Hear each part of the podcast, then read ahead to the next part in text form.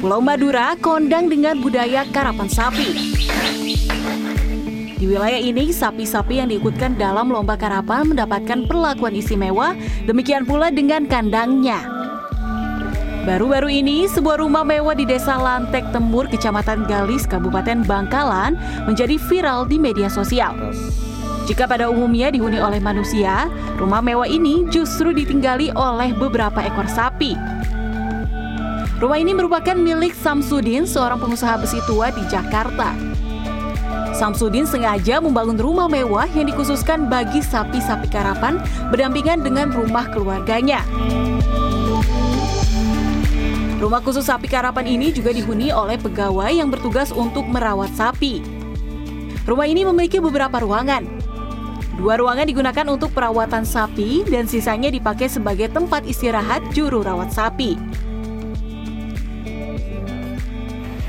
Memang sengaja mas dipersiapkan buat sapi-sapinya karena buat yang punya sapi Pak Haji Samsudin sendiri karena sapinya ini menurut dia suatu kebanggaan dan keistimewaan bagi Bapak Haji Samsudin sendiri.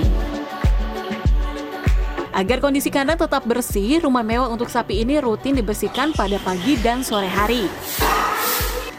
Sapi-sapi ini pun dimandikan satu kali sehari. Selain itu, sapi-sapi untuk karapan ini juga mendapat perlakuan khusus seperti diberi minum jamu, telur ayam kampung, serta rumput dan daun pilihan. Sapi karapan khusus yang sengaja ditempatkan di rumah mewah ini karena menurut Haji Samsudin itu adalah sebuah kebanggaan dan terbukti kebanggaan ini membawa sapi-sapi ini menjadi uh, juara beberapa kali juara presiden dan uh, menjuarai beberapa kali juara komunitas.